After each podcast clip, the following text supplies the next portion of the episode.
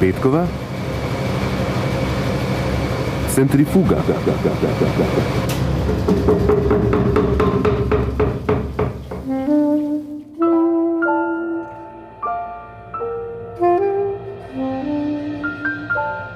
Tole, kar poslušate spodaj, je poletje, ki drsi v jesen. Tudi zadnji poletni teden se je začel nenavadno poletno, s športom v vlogi tolažnika in družbenega lepila. Prejšnji petek zvečer so tako na našem največjem stadionu rahlo načete evropske in slovenske nogometne legende odigrale dobrodelno tekmo.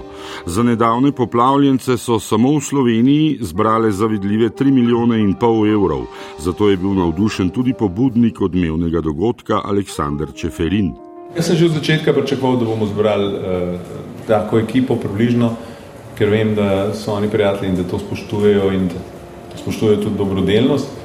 Nisem si pa niti približno predstavljal, da bomo zbrali toliko sredstev, pa da bomo tako hitro uspeli razprodati stadion. Tako da dogodek je mnogo večji, kot sem si jaz mislil na začetku. V tistem žlahtnem večeru smo se lahko prepričali, da kljub drugačnim pomislekom tistih bolj površnih poznavalcev nogometa, Ibra Kadabra še vedno vzbuja z naskokom največ spoštovanja publike.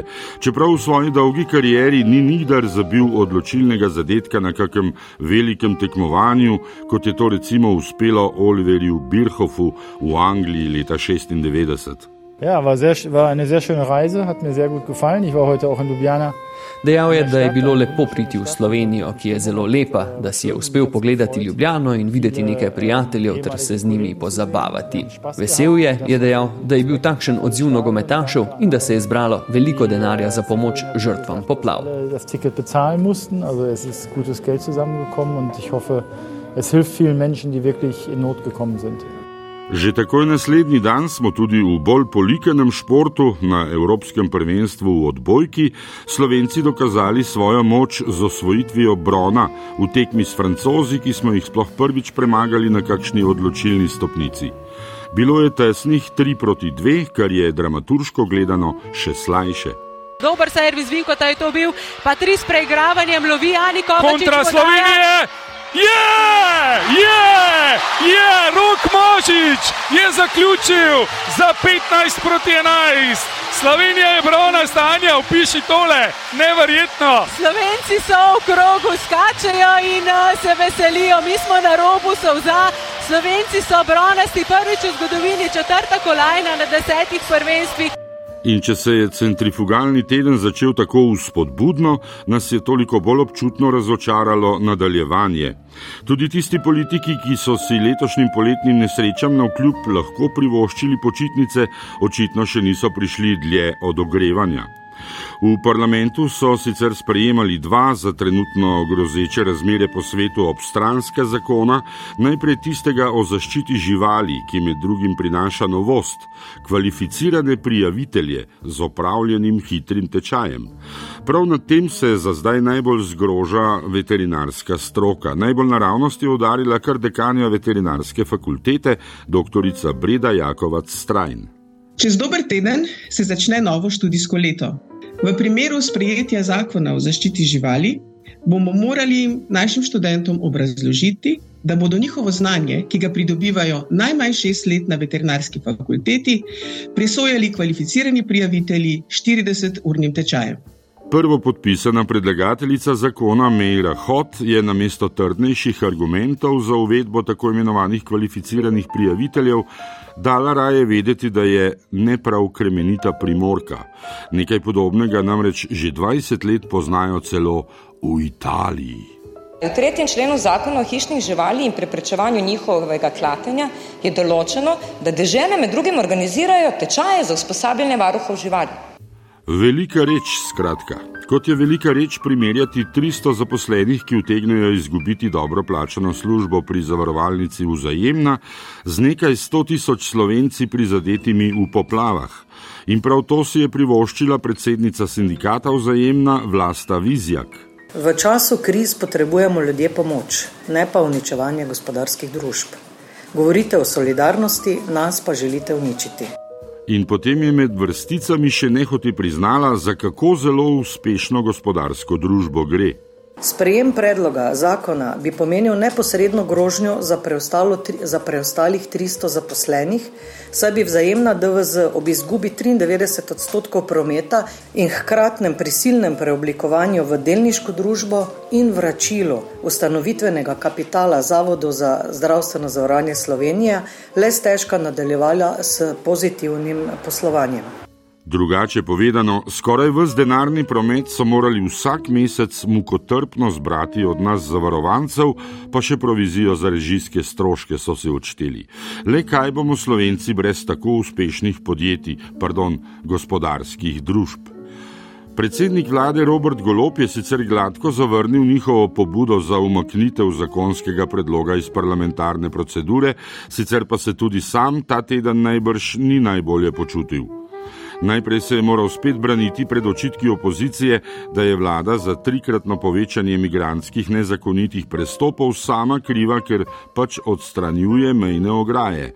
Najhuje je v Rigoncah. Niti meter ograje ni bil v Rigoncah odstranjen, pa kljub temu je 24 tisoč ljudi prestoplo mejo po cesti. Seveda je priročen izgovor Hrvaška in šengensko območje. Jaz se čudim, da tega niste uporabili. Ima pa strah velike oči in ograja med domačini, kljub temu lažno upanje budi. Zdaj, kako se bo politika odločila, pač mi žal nimamo vpliva, jih pa prosimo, da bi kar, če že morajo odstraniti, da bi pri nas na zadnje odstranili. Še isti dan je premijer izvedel, da vladna pogajalska skupina za plače v javnem sektorju ni navdušila sindikatov s ponujeno milijardo evrov za odpravo nesorazmeri. Sindikalistka Irena Ilešič Čujovič. Ob napovedani inflaciji in uh, draginji, ki smo že sedaj priča, in tudi drugih dejavnikih, se ta plačna reforma plačala sama od sebe. In um, po našem mnenju je pač eskalacija plačne lestvice ena od nujnih predpostavk za uh, sploh možnost te plačne reforme. Potem pa je golobu na zadnje zagodla še njegova lastna ekipa za odnose z javnostmi, ki je v prijetju največjega možnega števila mišljenovih zvezdic za restauracijo Ane Roš zakuhala prav neokusno godljo. Pa tako lep in hvalevreden bi bil sicer lahko njun zasebni, neobjavljeni pogovor. Živijo, živijo Ana, Robert, tukaj. Živijo. Čestitke, sem slišal, da ti je uspelo to, kar še nobemu slovencu ni, ali pa slovenki.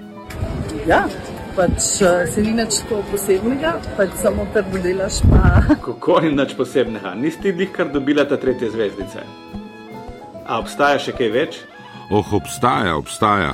Tudi zavedanje državljanov, da so ob takih pocukranih in insceniranih objavah lahko deležni k večjemu diabetesa.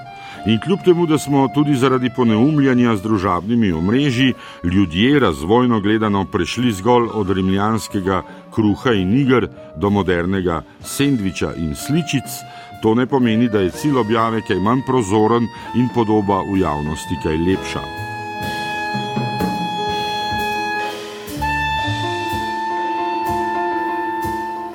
Negativno reklamo si je ta teden ponovno organizirala tudi Organizacija Združenih narodov v času 78. zasedanja Generalne skupščine. Res, le kaj bomo zemljani brez Organizacije Združenih narodov, kjer se po večini tudi v glavnem veliko govori in skoraj nič ne stori. Lepo je povedala predsednica Nataša Pirc-Musar. Slovenija spada med večino držav, ki so močno zaskrbljene zaradi neomejene uporabe veta, zaradi česar izgubljamo zaupanje v varnostni svet. Varnostni svet ne ukrepa takrat, ko je to potrebno. In samo pogled v tokratno zasedbo varnostnega sveta pove svoje. Od petih stalnih članov so manjkali štirje: ruski razumljivo, kitajski pričakovano, za povrh pa še francoski in britanski. Francija in Velika Britanija sta si denimo raje privoščili dobro večerjo v Versaju, ukrajinska vojna gor ali dol. Na generalni skupščini je že uvodničar Guterres resignirano ugotavljal, da kakšne akcije niti ne pričakuje več. Excellencies. Our world is becoming unhinged. Geopolitical tensions are rising. Global challenges are mounting. Ekscelence na svet je vse bolj neuravnotežen, geopolitične napetosti so vse večje, svetovne tegobe naraščajo, mi pa nismo zmožni poenotenja in odgovora, je rekel. No, k sreči so tudi v New York naši poenoteni politiki vendarle prinesli tudi opazen košček Slovenije, zdaj že ponarodelo dvojnost v vsem in povsod. Kdo je sploh pravi vodja naše misije pri Združenih narodih? Predsednica republike se je ob tem vprašanju novinarjev samo grenko kislo nasmehnila, nas pa je le potolažil dopisnik Andrej Stopar. Misijo bo še naprej vodil veleposlanik Malovrh, medtem ko je veleposlanik Žbogar pravzaprav poslednji odposlanec za varnostni svet. Vse ostalo eh, in celotno delovanje misije, če lahko tako rečem, je še zmeraj pod nadzorom veleposlanika Malovrha. Tako, kot bi rekli nekoč zasmehovani južni bratje, važno, da gremo dalje, pa čeprav v našem primeru zagotovo ne za isti denar.